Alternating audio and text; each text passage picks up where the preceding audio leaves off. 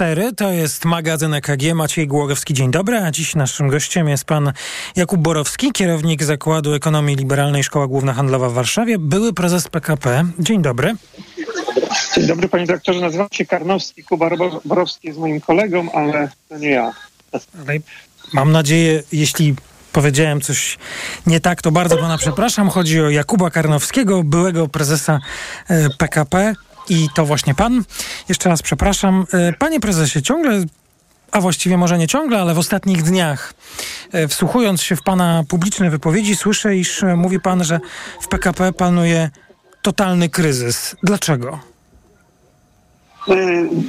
Totalny kryzys dlatego panuje w PKP. Mówię tutaj o takich głębokich przyczynach, ponieważ e, e, osobą odpowiedzialną za PKP od około 3000 dni, czyli od 8 lat, pan minister Andrzej Adamczyk. To jest główna przyczyna kryzysów. E, nikt nigdy tak długo nie zarządzał PKP, a ten kryzys objawia się na, właściwie w każdy, na każdy sposób. Jeżeli popatrzymy na bezpieczeństwo kolei, ostatni tydzień pod tym względem jest dramatyczny. Kilka dni temu wiceprezes PKP PLK, czyli zarządcy Narodowej Infrastruktury, powiedział, że takich, e, takich tragicznych dni, takich e, dni, w których kumulowałyby się zdarzenia na, na kolejach polskich w takim stopniu nie, nie pamiętają nawet na starci kolejarze. Możemy popatrzeć na, na rynek cargo, na wartość cargo, na punktualność PKP Intercity. W którym kierunku nie spojrzymy, widzimy totalny kryzys PKP.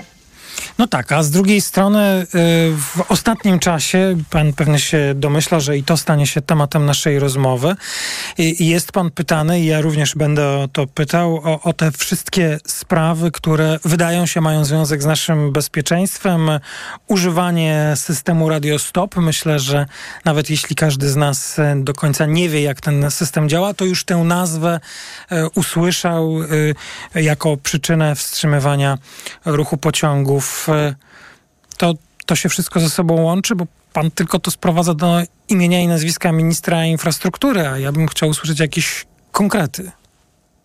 Pan, to jest duży konkret, dlatego że w, w, infrastrukturze, tak jak w innych, w ekonomii również, podejmujemy jakieś działanie, to efekty tego działania są widoczne po jakimś czasie. W infrastrukturze to jest wyjątkowo długo a Adamczyk jest ministrem infrastruktury od 8 lat. Dlatego e, personifikuje te problemy, no bo taki jest problem. Ale też jest tak, że pan minister Adamczyk i ludzie, którzy mu podlegają, e, wyrzucili kilkaset osób na początku tego ośmioletniego okresu z PKP, którzy byli fachowcami i teraz są tego skutki.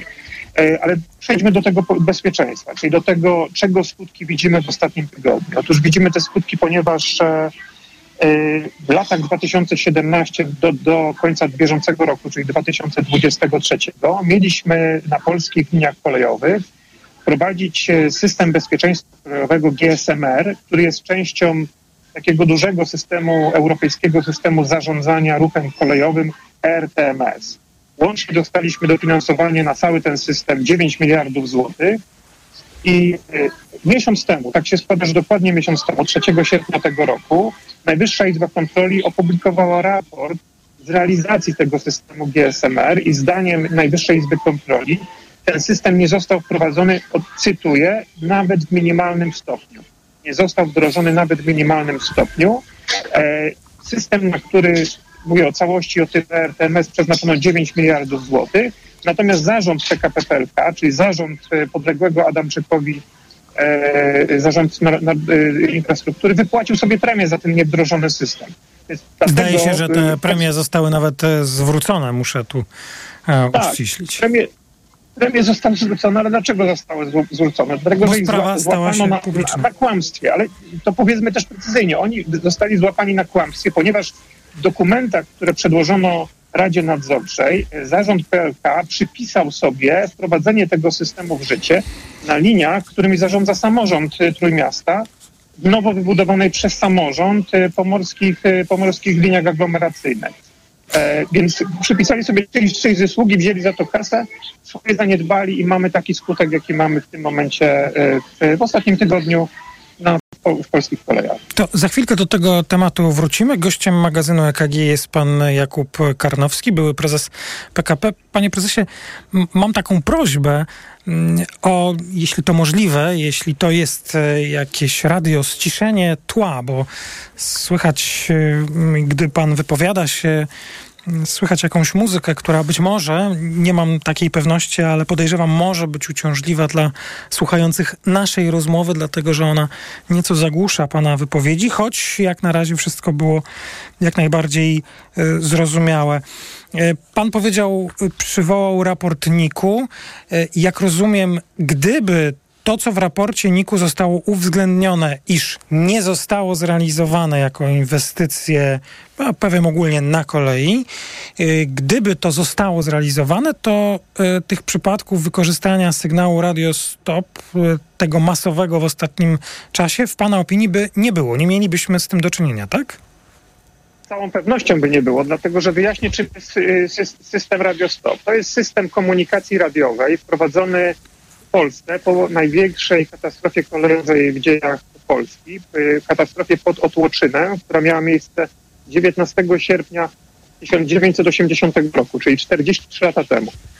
Jak wiadomo, jak mamy do czynienia z katastrofami, czy kolejowymi, czy lotniczymi, to na tych katastrofach buduje się historia bezpieczeństwa w obszarach, które to dotyczy. Więc 43 lata temu wprowadzono system, e, e, e, który mamy obecnie. System polega na tym, że sygnał radiowy, który jest dostępny każdemu, a szczególnie teraz, kiedy mamy duży postęp techniki, łatwo można sobie tanio kupić urządzenia radiotechniczne.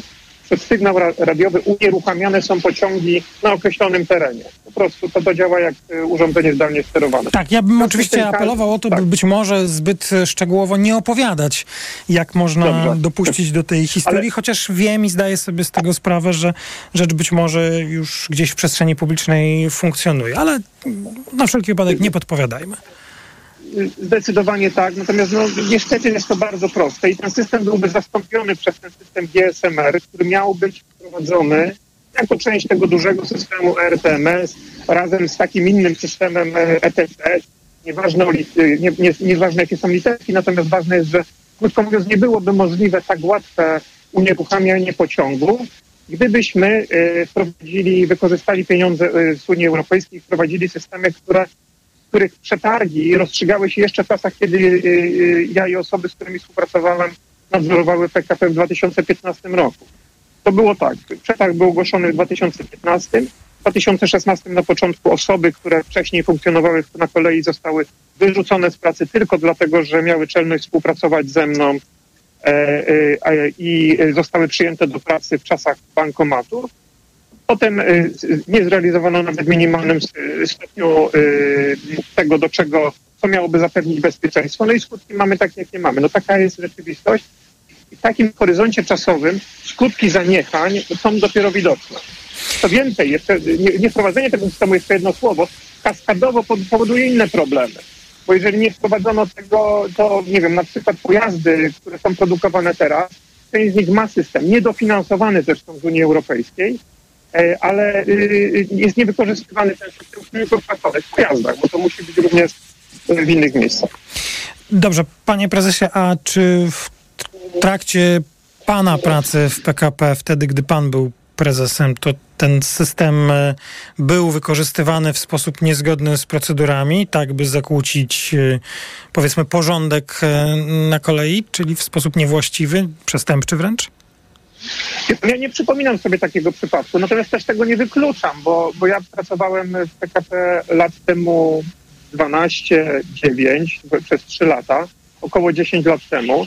E, I takie używanie tego systemu z pewnością się zdarzało, dlatego że ten system służy unieruchomieniu pociągów w skrajnych przypadkach. Jeżeli na przykład pociągi jadą na siebie na tym samym torze w przeciwnych kierunkach, czyli po prostu jadą na zderzenie czołowe w Otłoczynie właśnie miał ta, taki w 80 roku miejsce taki przypadek, więc to ma służyć zabezpieczeniu przed takimi sytuacjami.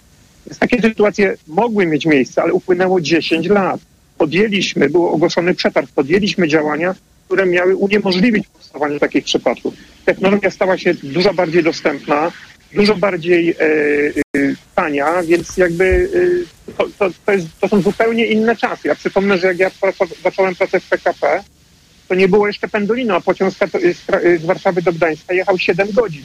Skutek działań, które podjęliśmy, uruchomiono pendolino i przywrócono kolei pasażerów. Pan zwrócił uwagę na to, jak rozłożony w czasie jest proces inwestycyjny, to gdybyśmy teraz podjęli wszystkie niezbędne działania, które miałyby wyeliminować problemy, o których opinia publiczna, czy my po prostu dyskutujemy od kilku dni, bo dowiedzieliśmy się o kumulacji e, tych kłopotów. E, gdybyśmy m, mm, realizowali inwestycje, o których Pan wcześniej wspominał, a one opisane są w raporcie NIK-u jako te niewykorzystane, to po jakim czasie, e, tak realnie mm, oceniając, zobaczylibyśmy efekty? Co, sprawa jest skomplikowana postaram się króciutko wyjaśnić, na czym to polega. Otóż ten system, który został zaniedbany przez e, Adamczyka i PiS, który nie został wprowadzony w życie, jak już powinien być, on już jest w pewnym sensie e, archaiczny. Już są nowe i tańsze systemy. Tak szybko rozwija się technika. Czyli to, czego oni nie zdążyli wprowadzić, bo są nieudolni, on już jest archaiczny. Wczoraj na konferencji prasowej wiceprezes PKP PLK mówił, że y, tam, tam był jakby kuriozalna wypowiedź całościowa, ale nie chcę w nią wchodzić, ale powiedział w skrócie, że no dobra, jeżeli y, mamy taką sytuację, że sygnał y, radiostop jest nadużywany, to wprowadzimy taki, taki plaster, taki system rezerwowy, czyli system gorszy od tego GSMR-u, takie Radio Stop Plus.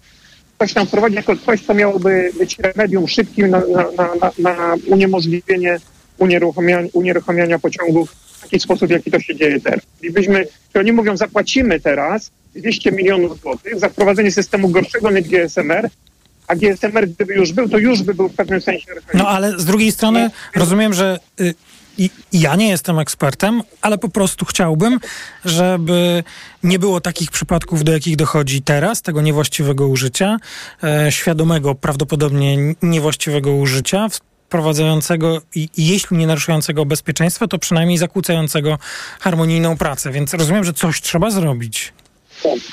Coś trzeba zrobić. No yy, tak, jest to, jest to yy, coś, co trzeba zaadresować. Mówię, to jest rola oczywiście y, ministra Adamczyka, rola prezesa Mamińskiego i prezesa Merchela, czyli prezesów PKP i PKP PLK. Za to biorą premie, często nieuzasadnione i jakby oczeki, oczekuję oczywiście jako pasażer częsty kolei, że, y, że ten problem będzie rozwiązany. Natomiast nie jest moją rolą podpowiadać im, tym bardziej, że że oni po prostu nie słuchają e, e, niezależnych ekspertów, nie słuchają e, porad z zewnątrz, to skutki, tego skutki widzimy. No, ja nie pytam o, o, podpowiedzi dla pana ministra, tylko w, tak o to, by zagospodarować głos w debacie publicznej. No, pytam pana jako eksperta, co należy zrobić, bo no to. Zmierzam, to. Do, to zmierzam do ostatniego pytania, panie prezesie. No, o, o nasze poczucie bezpieczeństwa jako użytkowników, użytkowniczek e, kolei. Pan y, ocenia, że tak, możemy mówić, że mimo wszystko, mimo wszystkich y, sytuacji, z którymi mieliśmy ostatnio do czynienia, jest bezpiecznie, czy nie? Ja jeżdżę koleją, ale też nie uważam się za osobę przesadnie bojaźliwą. Jeżdżę koleją e, w Ukrainie, gdzie pracuję, w kolejach ukraińskich. E, jeżdżę w miejsca niebezpieczne, miejsca pod ostrzałem Rosjan. E, I, ale na, na, pewno uważam, że każdy powinien sobie sam przeanalizować te fakty, z którymi mamy do czynienia. Jak pan pyta, co trzeba zrobić, żeby rozwiązać problem bezpieczeństwa polskiej kolei, no to trzeba zwolnić Adamczyka i ludzi, którzy odpowiadają w jego imieniu i z jego nominacji za polską kolej. Bardzo panu dziękuję za rozmowę. Pan dr Jakub Karnowski, były prezes PKP, kierownik Zakładu Ekonomii Liberalnej Szkoły Głównej Handlowej w Warszawie, był gościem pierwszej części magazynu EKG. Jest 9.18 o godzinie 9.20 w Radiu TOK FM. Informacja, po informacjach kontynuacja dyskusji w magazynie EKG. Będziemy rozmawiać o cenach w oczekiwaniu na najnowsze dane o inflacji, ale nie tylko. E, zapraszam do słuchania EKG po informacjach. EKG. Ekonomia, kapitał, gospodarka. Dzisiaj to de facto przeciętny Polak widzi, jak w niektórych rowkach wody od paru lat już nie było. Nie wygląda to tak jak 20-30 lat temu. Innymi słowy, brak wody zaczyna wnikać w krajobraz w taki bardzo stabilny sposób. W ostatnich dwóch dekadach maja i w pierwszej dekadzie czerwca w ogóle nie było opadów. Wtedy, kiedy zaczyna się kształtować wielkość ziarna, masa ziarna, no i tej wody nie było i nawet teraz te deszcze, które przychodzą, to one są za późno, mogą zmienić to sytuację, ale w małym stopniu. Radio TOK FM. Pierwsze radio informacyjne. Posłuchaj, aby zrozumieć. Autopromocja. Poranek Radia TOK FM. Zapraszam Państwa na poranek Radia Tok FM w każdy poniedziałek od godziny 7 do 9. Zaczynamy od przeglądu prasy, a potem są rozmowy z publicystami, ekspertami i politykami. Omawiamy wszystkie najważniejsze bieżące sprawy, a naszych audycji mogą Państwo słuchać wszędzie, w każdym miejscu. Dzięki aplikacji Radia Tok FM. Zapraszam. Dominika Wielowiejska. Do usłyszenia. Pobierz aplikację mobilną TOK FM i słuchaj radia na żywo, gdziekolwiek jesteś. Autopromocja. Reklama. Teraz w euro wielorabaty. Drugi produkt 30% taniej. Albo trzeci 55%. Albo czwarty 80%. Albo piąty produkt nawet za złotówkę. Promocja na całe duże i wybrane małe AGD. Regulamin w sklepach euro i na euro.com.pl. Reklama. Radio TOK FM. Pierwsze radio informacyjne. Informacje TOK FM. 9.20 Filip Kakusz, zapraszam. Badaniem rosyjskich wpływów w Polsce zająć się ma dziewięciu członków komisji wskazanych i przegłosowanych przez Prawo i Sprawiedliwość. Są wśród nich kojarzony spis historyk Sławomir Tęckiewicz i doradca prezydenta Andrzeja Dudy Andrzej Zybertowicz. Nie ma jednak pewności, że prace specjalnej komisji, o której głośno było wiosną, a potem temat ucichł, ruszą przed ogłoszonymi na połowę października wyborami. Zgodnie z pierwotnymi planami pierwszy raport mieliśmy poznać w połowie września. Poseł PiS Antoni Macierewicz mówił, że jest przekonany, iż teraz komisja będzie pracować szybko. Komisja oczywiście natychmiast zacznie badać. To są ci ludzie, którzy będą badali tak szybko, żeby było to skuteczne. Jednak rzecznik rządu Piotr Miller mówił wczoraj, że ukonstytuowanie komisji może zająć kilka tygodni, co może oznaczać, że nie rozpocznie ona pracy przed październikowymi wyborami. Junta wojskowa, która przeprowadziła pucz w Gabonie, mianowała tymczasowego szefa państwa. Został nim generał Bryce Oligui Nguema. Wojskowi wczoraj o świcie ogłosili, że anulują wyniki sobotnich wyborów prezydenckich, rozwiązują wszystkie instytucje państwowe i tymczasowo zamykają granice. Prezydent Ali Bongo, który w nieuczciwym, zdaniem obserwatorów, głosowaniu został wybrany na trzecią kadencję trafił do aresztu domowego. Zwrócił się potem do swoich zwolenników, by, jak to ujął, robili hałas w jego sprawie. Aresztowany został także jeden z synów prezydenta. Zatrzymano też kilku jego bliskich współpracowników. Jeden z irańskich sztangistów został dożywotnio zdyskwalifikowany. Związek Sportowy w Teheranie zrobił to po tym, jak sportowiec podczas Mistrzostw Świata Weteranów w Wieliczce na podium podał rękę zawodnikowi z Izraela. Obaj byli owinięci flagami narodowymi. Irańska Federacja gest Mostafy Rajajego nazwała niewybaczalnym wykroczeniem. Pogoda. Lokalnie dziś burze i przelotne opady, najwięcej deszczu na południowym wschodzie, 18 stopni w Gdańsku, 19 w Poznaniu, 20 w Białymstoku i Wrocławiu, 21 w Katowicach i Krakowie, 22 stopnie na termometrach w Warszawie i Lublinie. Radio TOK FM. Pierwsze radio informacyjne. EKG. Ekonomia, kapitał, gospodarka. To jest druga część czwartkowego wydania magazynu EKG w Radiu Tok FM. Maciej Głogowski, dzień dobry. W naszym studiu od mojej lewej będę przedstawiał gości jak zawsze. Pan Piotr Kalisz, główny ekonomista Banku City Handlowy. Dzień dobry. Dzień dobry. Pani Joanna Maczkowiak-Pandera, szefowa Forum Energii. Dzień dobry pani doktor. Dzień dobry. I pani Lidia Adamska, ekspertka w zakresie rynków finansowych. Dzień dobry pani doktor. Dzień dobry. Taka ciekawostka dzisiaj, bo dane będą wstępne o inflacji za sierpień. I ile tam będzie? Kalisz, Zobaczymy. Zobaczymy. Wiemy, że w okolicach 10%. Tak, Ale ma być jednocyfrowa przecież. No, d- e, Oczekiwania takie uśrednione wielu ekonomistów są dokładnie 10%, więc tak się składa, że e, stoimy po, tak takim okrakiem e, na tej takiej głównej liczbie. E, Moja własna prognoza jest lekko powyżej 10%, 10, 1, 10, 2 nam wychodzi e, z, z naszych wyliczeń, natomiast e, myślę, że tutaj biorąc pod uwagę zmienność inflacji, czy to będzie lekko poniżej 10, czy lekko powyżej 10, nie, niewiele zmienia i niewiele zmienia z punktu widzenia gospodarki, natomiast Hmm. bardzo dużo z punktu widzenia tego, co się stanie ze stopami A, procentowymi. no właśnie, no widzicie, no, no bo już myślałem, że pan tego nie powie. Ja nawet podejrzewam, mam takie, takie podejrzenie, tak sobie wyobrażam, że teraz e, ci, którzy nas słuchają, nasze słuchaczki i słuchacze, myślą sobie, no i po co on znowu pyta o to, ile będzie tej inflacji? No przecież jakie to, jaka ta, No ta, jakie to ma w ogóle znaczenie? Powiedzcie, czy będzie taniej, kiedy będzie taniej, albo co będzie tańsze w najbliższym czasie, a ja tutaj uparcie pytam o tą inflację i mam nadzieję, że jednak Państwo wykażą się cierpliwością i wybaczą nam, że jeszcze kilka zdań na ten temat, bo jednak y, to, co dzisiaj pokaże GUS, może mieć znaczenie. Jeśli będzie poniżej 10, to rozumiem, prezes Glapiński powie tak, sukces, nowy plakat, poniżej 10, premier Morawiecki, spocik, wybory, no i te stopy procentowe w przyszłym tygodniu mogą zostać obniżone, tak? Tak, to znaczy, e, no bank centralny sygnalizował, że 10% to jest jakaś taka magiczna, okrągła liczba, która otworzy drogę do cięcia stóp procentowych, e, więc jeżeli mielibyśmy wynik poniżej 10%, który jak najbardziej jest możliwy, to w przyszłym tygodniu stopy najprawdopodobniej spadną. Natomiast myślę, że wiele osób sobie zadaje pytanie, czy nawet jeżeli inflacja będzie lekko powyżej 10%, czy tej obniżki mimo wszystko nie zobaczymy w przyszłym tygodniu, bo zawsze można powiedzieć, że co prawda jest powyżej 10%, ale już wiemy, że za miesiąc będzie poniżej. Pani też czeka na te dane? No, one mają oczywiście fundamentalne znaczenie, Pani zwłaszcza, że widzimy, że też koniunktura siada, y, spada zapotrzebowanie na energię elektryczną, tym się zajmuję, to śledzę, więc widzę, że ono jest naprawdę duże, 6% spadku y, zużycia energii elektrycznej sierpniu? rok do roku, tak? Y, tak. I Czy w lipcu? Y, nie, w Czy lipcu, pierwszym- bo to są lipcu? dane y, za lipiec, które Możeśmy na wakacje pojechali już.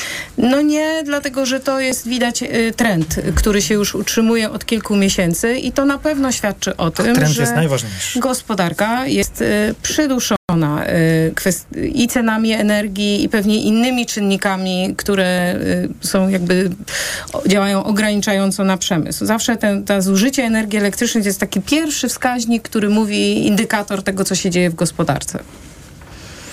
Przykra sprawa. Coś, proszę bardzo. Nie ma, już, Tak, ale wtrącał. tylko taka refleksja, że my Pani e, Bielanska. zastanawiając się e, nad tym, jaka będzie inflacja, czy to będzie dwucyfrowa, czy jednocyfrowa i jakie będą konsekwencje tego, jeśli chodzi o stopy procentowe, mam wrażenie, że w tej dyskusji cały czas trzymamy się naszego polskiego podwórka i polskiej perspektywy, co jest Jesteśmy oczywiste, Polsce, ale jeśli po popatrzymy. Polska na dyskusję pomiędzy tym, jaki jest poziom inflacji i jaka jest polityka stóp procentowych, to w krajach i w gospodarkach, gdzie e, inflacja jest na niższym poziomie niż w Polsce, głosy o tym, że to za wcześnie, żeby coś z tymi stopami procentowymi radykalnie robić, są dominujące. I, I ja tutaj słuchałem w magazynie EKG we wtorek pani Beaty Jaworci, głównej ekonomistki Eboru, i No. która ma przecież y, z obowiązku zawodowego taką patrzy nie, nie tylko na nasz kraj, ale na region i być może jeszcze szerzej. Też mówiła o tym, że chyba ta dyskusja powinna wyglądać inaczej. Nie będę wiernie cytował, I ale... to 10% ma wyraźnie w mojej Tak. ocenie polityczny kontekst i także już tak się utrwaliło, że jak będzie jednocyfrowa, no to już Sukces. sukces i do przodu. No właśnie i e, y, ja p- chciałem wysłuchać tych Państwa pierwszych głosów na temat, no, możemy prognozować, ale za chwilę będzie ten wynik, więc dowiemy się. Akurat tak się, GUS się nie może nauczyć, że trzeba przestawić ten zegar i publikację na dziewiątą, żeby w magazynie EKG komentować. Dają to o dziesiątej, jak my właśnie kończymy, ale i tak e, zdążymy skomentować. Natomiast e, ta, ten wstęp o jednocyfrowej e, inflacji i konsekwencjach takiego wyniku był mi, y, y, wydaje mi się, był konieczny dziś, dlatego że na taką ciekawą informację natknąłem się w ostatnich y, godzinach. Otóż analitycy Goldmana, Goldman Sachs, takiego dużego banku, już widzę, że tutaj pan Piotr Kalisz kiwa głową, nie wiem dlaczego, e, popatrzyli sobie na ceny paliw e, w Europie i zaobserwowali, że w ostatnim czasie, co nie jest tajemnicą i nie wymagało wielkiej obserwacji, rosły ceny ropy naftowej, a wraz z nimi ceny gotowych paliw, tych, które klienci kupują na stacjach benzynowych. I w wielu krajach, na przykład e, tych, które są tutaj położone blisko nas, no na przykład Czechy, czy na przykład Węgry, e, ceny paliw na stacjach były wyższe, no wraz z tym cenami e, wyższej ropy naftowej, a w Polsce nie. Coś już źle powiedziałem? Nie, w pełni się zgadzam, bo ja też jakby zajmuję się innymi krajami regionu i tak jako przykład em, za dane z ostatnich kilka tygodni, takie tygodniowe dane o paliwach e, na stacjach benzynowych, e, na Węgrzech pokazują wzrosty w okolicach 10%, nawet lekko powyżej 10%, u nas e, poniżej 2%. I jak to jest możliwe? No ale dziennikarstwo nie polega na tym, że ja stawiam tylko teza i, i szukam poparcia, no ale muszę postawić, skoro nic nie mówicie.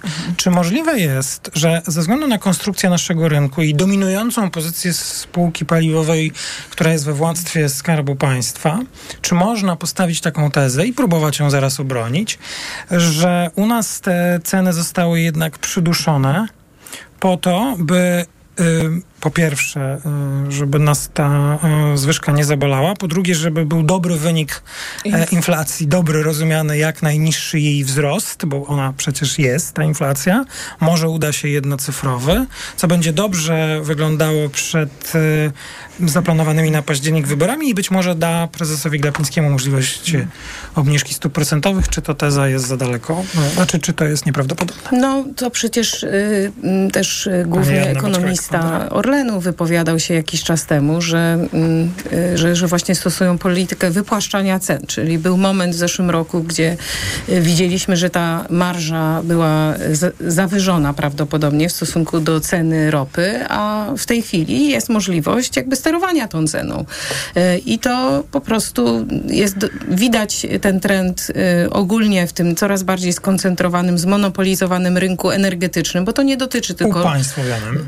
su- upaństwowionym, y, gdzie właściwie te mechanizmy rynkowe y, przestają działać. No one oczywiście też dały do wiwatu, bo to wszystko to, co się wydarzyło, cały kryzys y, ubiegłego roku, ten gwałtowny wzrost cen, no też pokazują, że gdzieś trzeba trzymać lejce w, dłoni, bo, bo można rzeczywiście wykończyć i ludzi, i gospodarkę, ale z drugiej strony też jakby te interwencje muszą przebiegać w sposób mądry. No teraz wiemy, że jest to wyjątkowa historia do opowiedzenia przez następne półtora miesiąca, że wszystko jest dobrze i wspaniale i w ogóle y, już będziemy krajem miodem i mlekiem płynącym. Dostatnio jeszcze, dostatnio, musi pani tam Dostatnio i będzie się wszystkim dobrze żyło, ale to mm, oczywiście jest y, bardzo trudne do określenia, bo po pierwsze też te rynki są nadal Ale bardzo pani prezes, rozchwiane. m, czy to tak już zapytam wprost, czy pani nie wyklucza, że ten scenariusz, który opowiedziałem, ja, ja sobie wyobrażam, że on jest możliwy, bo wiele rzeczy widzieliśmy, ale no mogło się tak zdarzyć, że u nas trochę przytrzymaliśmy i właśnie tym razem rynkowo nie odbyła się gra rynkowa, to znaczy, że wraz ze wzrostem cen surowca ceny wzrosły po to właśnie, żeby zobaczyć tę e, niższą inflację w sierpniu po prostu. No przecież widzimy y, świadomie prowadzoną politykę cenową, która jest oderwana coraz bardziej od warunków rynkowych. E, przesypywanie, y, zamrażanie, odmrażanie, puszczanie y, niektórych obszarów i, i to jest po prostu moim zdaniem coś, co się dzieje teraz. To pani Lidia Adamska? To ręczne sterowanie i to przyduszanie, o którym tutaj mówimy, wydaje się być dosyć oczywiste dla, e, nie wiem czy dla wszystkich, ale na pewno dla e, analityków, obserwatorów, ekspertów. E, pojawiają się komentarze do tego, co się dzieje, że to jest kolejny cud na Orlenie. Jeśli użyte jest tego rodzaju sformułowanie, to znaczy, że tam y, no, ktoś y, siedzi i podkręca te wszystkie mechanizmy, albo że ceny są zaskakujące. Dlaczego? Bo rynek zewnętrzny funkcjonuje inaczej, a my nie jesteśmy e, jakimś wyizolowanym kawałkiem gospodarki, ale podlegamy temu, co się dzieje na zewnątrz. Plus jeszcze złotówka. I w ostatnim czasie osłabienie złotówki, a kupujemy tę ropę e, za dolary, a więc ten mechanizm Także to, na co jest e, zwracana uwaga, e, mamy ceny detaliczne i ceny hurtowe. No dobrze, no ale to prawda? teraz... I trochę jest różna polityka do tego, natomiast też eksperci wskazują na rozdźwięk pomiędzy cenami hurtowymi w Polsce i cenami hurtowymi na rynkach zewnętrznych. No ale to, to, drodzy Państwo, no ale przecież musimy uchwycić gdzieś ten, ten, ten, ten, ten, ten, jakąś tę konsekwencję historii, o której opowiadamy, bo wyobrażam sobie znów, że ktoś, kto nas teraz słucha, pomyśli sobie tak, no ale właściwie o co im chodzi? Znaczy nie zapłaciliśmy więcej i mamy z tego powodu być niezadowoleni? No przecież nikt nie chce płacić więcej. No to, to dlaczego to jest problem? Zamrożone trzeba kiedyś odmrozić. Okej. Okay. No ale też problemem jest brak transparentności i tego, że jednak my nie... Ale transparentność to nie jest kategoria, którą się do garnka wkłada a nie za niedopłacenie 30 czy 50 groszy przy dystrybutorze to jest realna korzyść. Nie, no więc tutaj oczywiście trzeba oddzielić perspektywę odbiorcy indywidualnego i odbiorcy, który zawsze przecież będzie chciał jak płacić jak najmniej. Od, od perspektywy y, jakby osób takich jak my, którzy zajmują się analizą w skali makro, które, które widzi zagrożenia, bo też y, jakby chociażby ten element, że bardzo dużo paliwa zużywamy i to nakręca tą cenę też y, więc y, to ma swoje mhm. też negatywne skutki. Y, I później ja uważam, że brak transparentności też jest problemem, bo skądś te pieniądze trzeba zabrać. To, to jest ostatnie pytanie w tej sprawie do, do, do pana, panie Piotrze. Czy, czy taką najprostszą konsekwencją, którą mamy sobie wyobrażać, że jeśli doszło do tych wszystkich sytuacji, jeśli sztucznie, jeśli ten centralny planista tam siedzi i zaplanował, że teraz nie wzrośnie, bo się politycznie nie opłaca, to oznacza, że po prostu z inflacją będziemy dłużej, że dłużej będziemy i tak e, z tymi podwyższonymi cenami, że w konsekwencji musimy kiedyś za to zapłacić, czy nie? Myślę, że, że ryzyko jest takie, że po prostu za miesiąc lub dwa miesiące, kiedy na przykład ceny na innych rynkach się ustabilizują albo będą spadać, u nas jeszcze ceny paliw mogą rosnąć. Czyli będzie to rozłożone w czasie, będzie dłużej trwało. I to nie jest tak, że to jest jakby teoretyczna możliwość, bo bardzo podobną sytuację mieliśmy na Węgrzech, gdzie ceny paliw były zamrożone przez wiele miesięcy i potem w ciągu jednego mm, miesiąca nagle tak. musiały wzrosnąć. Był ekstremalny oczywiście wzrost 20%, nie mówimy tutaj o podobnej sytuacji w Polsce, ale, ale jeżeli chodzi o mechanizm i to, że odłożenie dostosowania cen nie zmienia faktu, że ono wcześniej czy później nastąpi. A, ja, a, jak to działa, to mogę podać na przykładzie cen węgla, bo to jest też bardzo ciekawe. W zeszłym roku ceny węgla bardzo wzrosły. Tona węgla kosztowała nawet 2000. Wtedy ta cena, a cena globalna węgla różni się od tej ceny krajowej. E, I wtedy te nasze ceny krajowe zaczęły powoli się piąć do góry. E, w międzyczasie te ceny na rynku globalnym z tych 2000 spadły do około 500 zł za tonę, a w tej chwili cena krajowego węgla sięga 740 zł. I i jakby nie podąża za tą ceną y, y, międzynarodową. I to jest y, po prostu absolutny fenomen, bo skupiamy się na rynku ropy, ale równie ciekawe rzeczy dzieją się na rynku energii elektrycznej, gdzie ceny zarówno na tych rynkach krótkoterminowych są bardzo wysokie, właściwie najwyższe w Unii Europejskiej, czego właśnie się nie zauważa, bo, bo jakby już właściwie nie wiadomo na co patrzeć. Później wszyscy mówią o cenach dla gospodarstw domowych, które są zamrożone, co kosztuje 28 miliardów, więc znowu skądś te pieniądze trzeba było wziąć.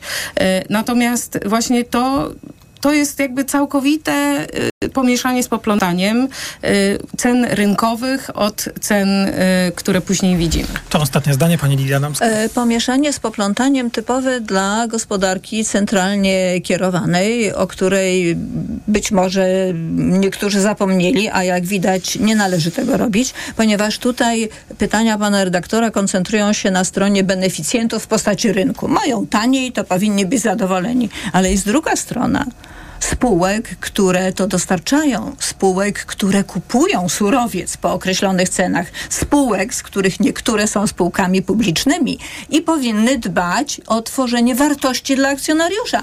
Ta perspektywa w ogóle nie jest obecna w tym myśleniu, e, że jeśli ma być tanio, to to, co będzie z Orlenem, PGE, jakimikolwiek spółkami węglowymi, energetycznymi, nie ma znaczenia czy one będą na plusie, czy będą racjonalnie funkcjonowały, czy nie. Ważne jest to, co zobaczy suweren. To, czego oczekuje partia, jest najważniejsze. E, pani Lidia Adamska, pani Janna Maćkowiak-Pandera i pan Piotr Kalisz. Słyszymy się po informacjach w trzeciej części magazynu EKG. EKG. Ekonomia, kapitał, gospodarka. Reklama. RTV Euro AGD. Uwaga! Teraz więcej kupujesz, więcej zyskujesz. Kup jeden produkt i zyskaj rabat lub dobierz kolejny i zyskaj jeszcze większy rabat. Rabaty nawet do 6 tysięcy złotych. Wartość rabatu zależna od wartości koszyka. Minimalna wartość zakupów to 1550 zł. Sprawdź progi zakupów i odpowiadające im wartości rabatu. Promocja na wybrane produkty. Szczegóły w regulaminie, w sklepach i na euro.com.pl. Mega okazje w Media Expert. Smartfony, laptopy do nauki i pracy, telewizory smart, ekspresy automatyczne, energooszczędne zmywarki i lodówki w super niskich cenach. Dzień dobry. Od dzień dobry zaczyna się wszystko co dobre, więc... Dzień dobry wszystkim. Bo dzień dobry to ciekawi goście, serdeczne rozmowy, przydatne porady. Więc zacznij dzień od Dzień dobry w TVN. Teraz w TVN codziennie od 7.45. Kandydujesz w wyborach? W Print Media 24 od ponad 15 lat skutecznie pomagamy w przygotowaniach do kampanii wyborczej. Gwarantujemy profesjonalną obsługę, szeroki wachlarz usług i jak zawsze atrakcyjne ceny. Banery już od 12 zł 90 groszy, ulotki od 2 groszy. Nie zwlekaj. Nasz zespół czeka na kontakt. www.printmedia24.pl ukośnik wybory. W Warszawie ulica Nowowiejska 5 i Rogalskiego 4. Celestymów ulica Osiecka 2. Ale schudłaś. Stosuję tabletki na wątrobę Hepa Slimin. Wątroba spisuje się wspaniale. Hepa Slimin wspomaga też utrzymanie smukłej sylwetki. To tylko dodatek. To ja też będę brać Hepa Slimin. Suplement diety Hepa Slimin w trosce o wątrobę i smukłą sylwetkę. Mate pomaga w utrzymaniu prawidłowej masy ciała, a hojna wspiera funkcjonowanie wątroby. Aflofarm. Łączy nas krew, która ratuje życie. Bo dla mnie to chwila. Dla kogoś całe życie. Bo tętni w nas dobro. Jest wiele powodów, by oddawać krew. Zgłoś się do najbliższego centrum krwiodawstwa. Oddaj krew i uratuj czyjeś życie. Sprawdź na twojakrew.pl. Kaszel palacza? Ja? Adam, przecież już nie palę. Kaszel palacza pozostaje po rzuceniu palenia. Dlatego zastosuj Detusan. Ale ja już brałem coś na kaszel. Detusan działa inaczej. To specjalistyczny produkt, który powstrzymuje odruch kaszlu i chroni błonę śluzową podrażnioną przez papierosy. To prawda, teraz już nie kaszlę. Detusan. Uwolnij się od kaszlu palacza. To jest wyrób medyczny. Używaj go zgodnie z instrukcją używania lub etykietą. Łagodzenie kaszlu i chrypki, nawilżanie i ochrona błony śluzowej gardła Aflofarm. Palenie szkodzi zdrowiu. W przypadku dolegliwości ze strony układu oddechowego zalecana jest diagnostyka w celu ustalenia przyczyn. Zapewnianie niskich cen to dla Biedronki od zawsze najważniejszy cel. Dlatego polscy konsumenci nie są zaskoczeni wynikiem najnowszego badania koszyka faktu. My też nie, bo gdy ceny porównywane są prawidłowo, wynik jest oczywisty. Koszyk 25 podstawowych produktów jest najtańszy w Biedronce. Wśród czterech podmiotów objętych zestawieniem według najnowszych danych faktu z dnia 25 sierpnia. Fakt potwierdza fakty. Codziennie niskie ceny są tylko w Biedronce. Szczegóły na biedronka.pl Przed wejściem na rozprawę weź Valerin Max, a ja pomogę Ci przez to przejść. Praca, praca i jeszcze więcej pracy. Tutaj może pomóc tylko Valerin. Valerin Max to lek ziołowy w wysokiej dawce, a do tego nie uzależnia. Valerin Max. Zdrowa dawka spokoju. Valerin Max. Jedna tabletka powlekana zawiera 360 mg wyciągu wodno-alkoholowego z korzenia kozłka lekarskiego. Wskazania. Łagodne stany napięcia nerwowego i uczucia niepokoju. To jest lek. Dla bezpieczeństwa stosuj go zgodnie z ulotką dołączoną do opakowania i tylko wtedy, gdy jest to konieczne. W przypadku wątpliwości skonsultuj się z lekarzem lub farmaceutą. Aflofarm. Cześć, tu Filip z Plusa. Odkąd pamiętam, kibicuję naszym siatkarzom, a od niedawna naszej mistrzowskiej ofercie. Bo czy to nie jest Mistrzostwo Świata, że ja i moja dziewczyna mamy dwa abonamenty, a płacimy tylko za jej? Za mój. Może za twój? E, Oj tam, oj tam. E, Ważne, że mamy dwa, a płacimy za jeden. Do Plusa samo się przenosi. Teraz mistrzowska oferta. Dwa abonamenty w cenie jednego. Dotyczy wybranych wariantów ofert. Szczegóły na plus.pl. Reklama. Radio TOK FM. Pierwsze radio informacyjne. Informacje TOK FM. 9.42 Filip Kakusz, zapraszam. Około 10 Główny Urząd Statystyczny powinien podać wstępny odczyt inflacji w sierpniu. Ekonomiści spodziewają się wyniku w okolicach 10%, nieco mniejszego niż w lipcu, gdy ceny rosły w tempie niemal 11% rok do roku. Policja i Straż Pożarna w Johannesburgu w Republice Południowej Afryki wyjaśnia przyczyny pożaru, do którego rano doszło w centrum miasta. Ogień pojawił się w pięciopiętrowym budynku, który formalnie był opuszczony zniszczony. W pożarze zginęło jednak ponad 50 osób, kilkadziesiąt kolejnych jest rannych. Słuchasz informacji TOK FM. Władze Stanów Zjednoczonych prowadzą rozmowy z rządami Rumunii i Mołdawii. Chcą, by eksport ukraińskiego zboża przez Dunaj przez te dwa kraje był podwojony. Ta trasa jest bezpieczna, bo pozostaje na wodach terytorialnych NATO. Do tej pory zdecydowana większość eksportu plonów odbywała się przez Morze Czarne, jednak kilka tygodni temu Rosja wycofała się z umowy zbożowej, która gwarantowała tym transportom bezpieczeństwo.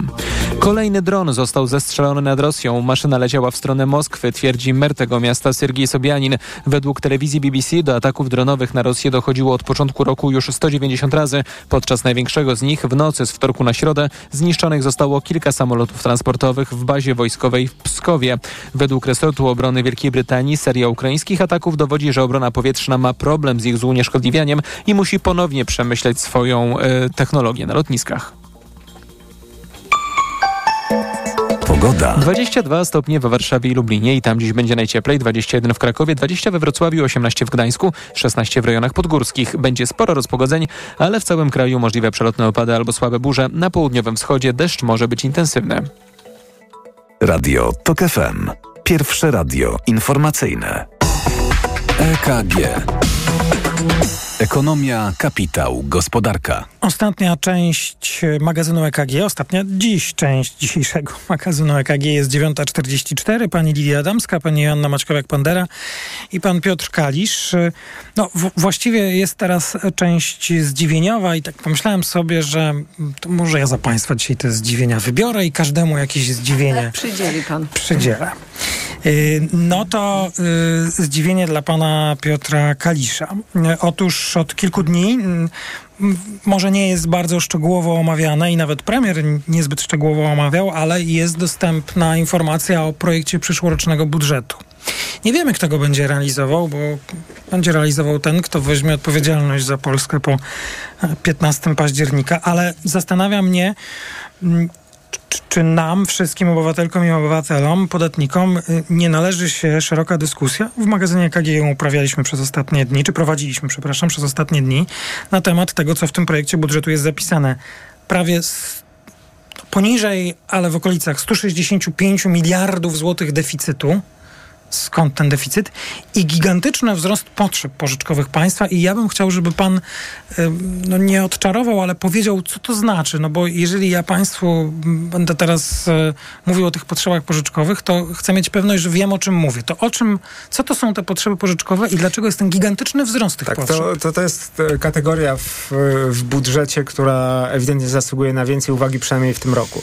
E, Potrzeby pożyczkowe to w praktyce jest wszystko, co rząd musi w jakimś stopniu pożyczyć na rynku. Czyli nie, nie, nie pochodzi to z podatków, tylko skoro wydatki są dużo wyższe niż e, nasze dochody, no to resztę tą brakującą część musimy w jakiś sposób pożyczyć. Możemy ją pożyczyć od przeciętnego Kowalskiego, emitując e, takie obligacje oszczędnościowe. Każdy z nas może je kupić. Możemy też e, pożyczyć od e, jakichś instytucji międzynarodowych, od Unii Europejskiej, co zakłada budżet, em, e, lub od takich inwestorów jak banki albo zagraniczni inwestorzy. I w sumie ta kwota, która przez lata wynosiła w okolicach 150-160 miliardów złotych. Ka- w myślę- każdym roku? Tak, rocznie mniej więcej, mniej więcej e, tyle wynosiła ta kwota. W przyszłym roku ma wynieść 420 miliardów e, złotych. I oczywiście to jest związane z wieloma wydatkami, choćby zbrojeniowymi, ale też wydatkami społecznymi, waloryzacja e, 500. Plus. E, no jest dużo tych wydatków, tutaj trudno wskazywać jeden konkretnie, natomiast sama suma jest olbrzymia i wydaje mi się, że zasługuje na dużo więcej uwagi niż jej poświęcano. Czyli e, rośnie z okolic 150 do 400, czyli wszystkie przetargi, e, które będzie rząd e, e, chciał zrobić, czyli właśnie e, z, wyemitować obligacje, liczyć, że ktoś je kupi, a dzięki temu rząd będzie miał pieniądze, będą na gigantyczne kwoty. Będą musiały być, e, powiedzmy, na przykład dwukrotnie większe. Poza tym też rząd będzie musiał więcej pożyczać e, za granicą. E, I to, co jest ciekawe, e, właśnie ten projekt budżetu zakłada e, prawie 30 miliardów, chyba 28 miliardów e, złotych pożyczane z Unii Europejskiej z Funduszu Odbudowy, czyli jest założenie takie No tak. domyślne, że ten fundusz zostanie odblokowany. Jak na razie Nic na to nie mamy dwa lata opóźnienia, jeszcze się nic y, w tę stronę nie, nie, nie posunęło, więc to też pokazuje Ale czy jest jakieś ryzyko? To znaczy, czy, czy te potrzeby pożyczkowe rosną w taki sposób, że co, że u, uważa pan, że może ktoś nam nie pożyczyć? Czy będziemy musieli pożyczać drogo, skoro wiemy, że te potrzeby mamy?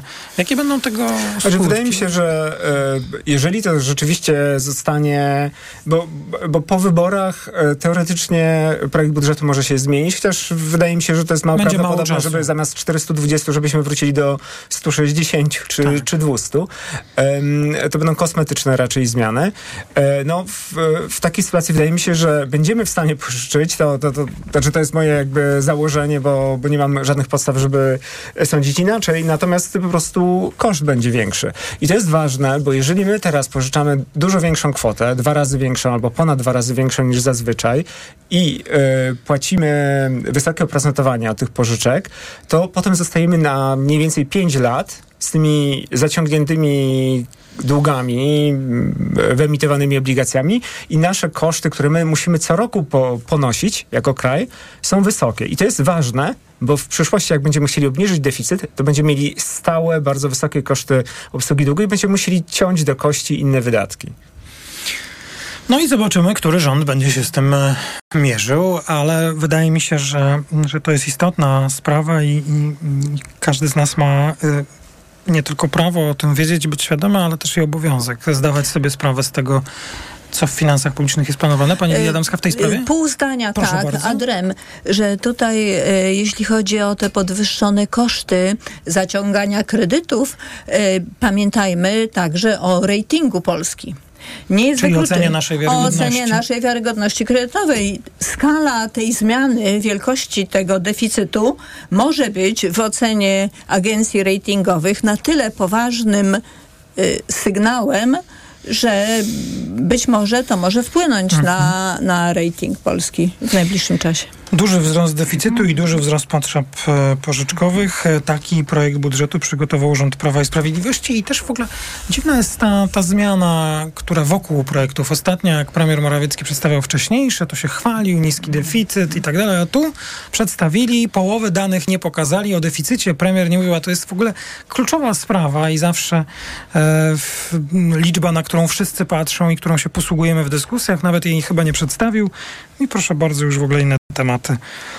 Nic się nie dzieje. Trzeba pamiętać, że samo zamrażanie cen kosztowało 70 miliardów złotych. Różnych cen. Różnych cen. Ale ja dla pani mam inne zdziwienie.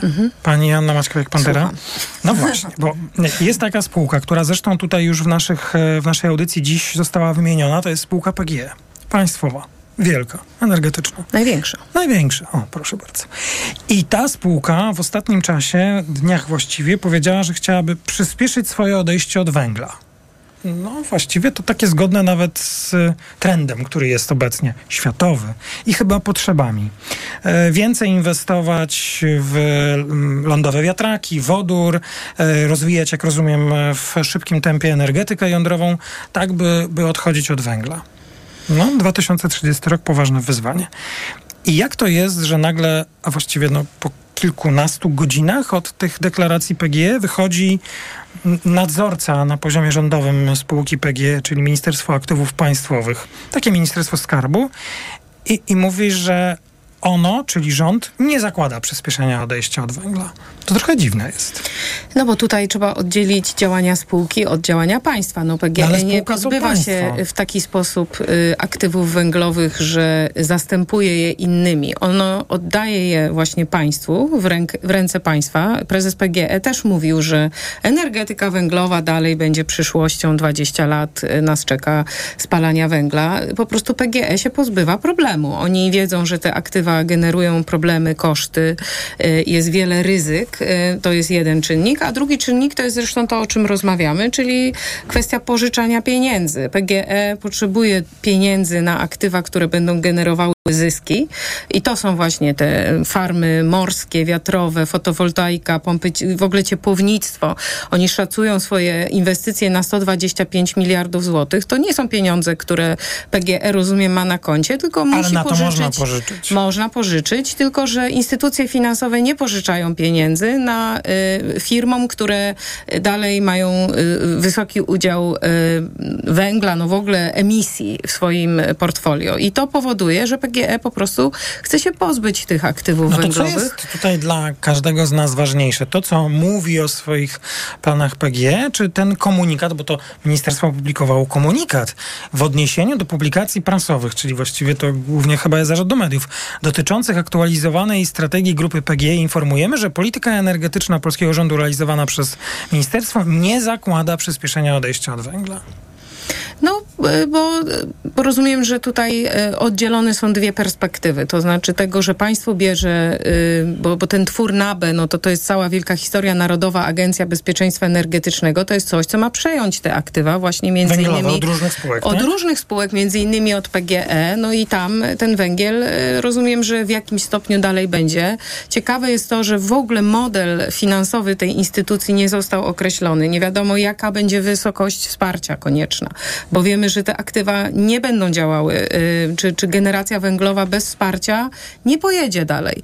Więc tu jest wiele ryzyk, ale najważniejsze, więc y, jedna rzecz to państwo, Narodowa Agencja Bezpieczeństwa Energetycznego, a druga rzecz to jest to, co robią spółki, bo zresztą Orlen, PGE, wszystkie spółki państwowe mają swoją strategię neutralności klimatycznej i pozbywają się tego w tempie błyskawicznym. Ja myślę, że spółka robi to, co jak może jest zgodne, nie wiem, z jakąś logiką, rachunkiem, jakąś odpowiedzialnością, którą ktoś musi e, wziąć, jak już pracuje Z realiami finansowymi o, też. realiami finansowymi, ale ministerstwo musi też przypilnować spraw wyborczych, żeby się nikt nie zdenerwował, że od tego węgla się odchodzi, że jakiś związkowiec, jakiś związek zawodowy bardzo konkretny i żeby absolutnie do 15 października nic się nie wydarzyło.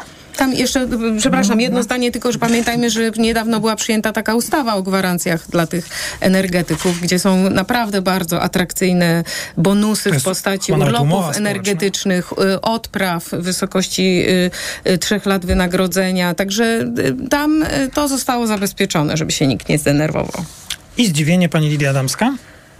No. E, e, tak, mam e, moje takie troszkę około giełdowe zdziwienie, ale tutaj jeszcze bym dodała do tego bardzo ciekawego wątku, o którym rozmawialiśmy do tej pory, że ja mam wrażenie, jako nie ekspertka branżowa, że węgiel w tej chwili dla firm energetycznych jest takim gorącym kartoflem. I NABE jest koszykiem, do którego można ten gorący kartofel NABE wrzucić. to jest Narodowa Agencja Bezpieczeństwa Energetycznego, Energetyczne. która została utworzona przez państwo. Nie, nie została jeszcze. To jest zapowiedziane. Tworzymy ją, dobrze. Tworzymy. To jest pytanie, czy zostanie przed wyborami utworzona. Tak, i mam wrażenie, że być może, być może te kwestie deficytu budżetowego jakoś się łączą z koncepcją modelu biznesowego NABE, który jeszcze nie jest dopracowany, ponieważ wydaje się dosyć oczywiste, że to NABE będzie wymagało dofinansowania, że się nie utrzyma i że może to już byłoby za dużo. Także niech na razie PGE trzyma tego gorącego kartofla póki co, a potem się zobaczy. Tak bym zinterpretowała tę, tę sytuację. Natomiast... To już króciutko. Króciutko. Kilka dni temu Reuters i Bloomberg poinformował o ważnej transakcji typu M&A. Proszę? Mergers and Acquisitions, e, nabycia i, i przejęcia spółki i dotyczy to polskiej spółki. Dotyczy to polskiej spółki, której wartość nie jest wcale mała, bo została na podstawie tej transakcji oszacowana mniej więcej na 2 miliardy złotych. Dla porównania kapitalizacja Orlenu 70 miliardów złotych, PZU 23, a więc nie jest to taki zupełny drobiazg. Natomiast w polskiej prasie na temat tej transakcji nie ma nic. Ale o co chodzi? Chodzi o firmę o nazwie bardzo szacowną, bardzo szacowną firmę o nazwie Polsko-Amerykańskie Kliniki Serca. Polsko-Amerykańskie Kliniki Serca, firma, która powstała 30 lat temu i która jest wiodącą firmą świadczącą usługi kardiologiczne, dzięki której to firmie e, wskaźniki kardiologii interwencyjnej w Polsce osiągnęły poziom światowy i która jeszcze jest firmą o bardzo dobrym standingu finansowym i dochodową. E, a więc y, można, przy czym jeszcze z punktu widzenia dochodowości tej firmy powinniśmy pamiętać, że jej sytuacja finansowa wynika w dużej mierze z tego, że usługi, które świadczy, są wycenione powiedziałabym odpowiednio, a, a także właśnie, a przez lata a przez lata była zasilana środkami z NFZ-u. To mnie dziwi, że pisze o takim wydarzeniu niebanalnym e, piszą agencje światowe, natomiast w Polsce jest o tym cicho, łącznie z tym, że na stronie strony transakcji, to znaczy tej firmy, też nie ma na ten temat ani słowa. I to jest nasze zdziwienie. Tak, i to jest moje okay. zdziwienie, A dlaczego jest... tak jest. A ma Pani jakąś interpretację? Króciutko, bo musimy kończyć? No tutaj byłabym y, y, ciekawa dowiedzieć się komentarza ze strony okay. firmy. Natomiast Jasne. gdyby ktoś był złośliwym populistą, mógłby zadać pytanie, czy może to ma coś wspólnego z wyprzedażą, czy jakby nie powiedzieć, tematem popularnym. Tak. No, ciekawą powiedziała Pani historię na koniec. Kończymy dzisiejsze wydanie magazynu EKG. Dana o inflacji wstępna za kończący się miesiąc za chwilę. Wstępny szacunek produktu krajowego brutto za drugi kwartał też o 10 GUS poda, jeśli się nie mylę dzisiaj. E, a euro 4,46, dolar 4,09 i mam nadzieję, że wszystkie informacje, które dziś były konieczne do przekazania, przekazaliśmy. Pani Lidia Adamska, pani Anna Maćkajak-Pandera i pan Piotr Kalisz, bardzo Państwu dziękuję. Dziękuję. To był magazyn EKG, jest 9.59 o 10 informacje. EKG. Ekonomia, kapitał, gospodarka. Kłaniamy się nisko. Ewa Farna i Kamil Wrublewski. Już w najbliższą sobotę o godzinie 20 Ewa Farna będzie gościnią audycji Między Słowami w Radiu TOK FM. Pogadamy o muzyce, o nowym singlu Partner in Crime, ale też o różnicach pomiędzy Czechami a Polską. Będzie ciekawie. To już w najbliższą sobotę o godzinie 20. Do usłyszenia.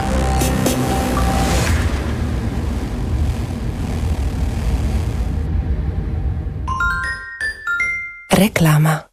Gdzie naprawdę niskie ceny mam? W Kauflandzie. Od czwartku łopatka wieprzowa bez kości z lady 13,99 za kilogram, 5 kg na osobę, a ziemniaki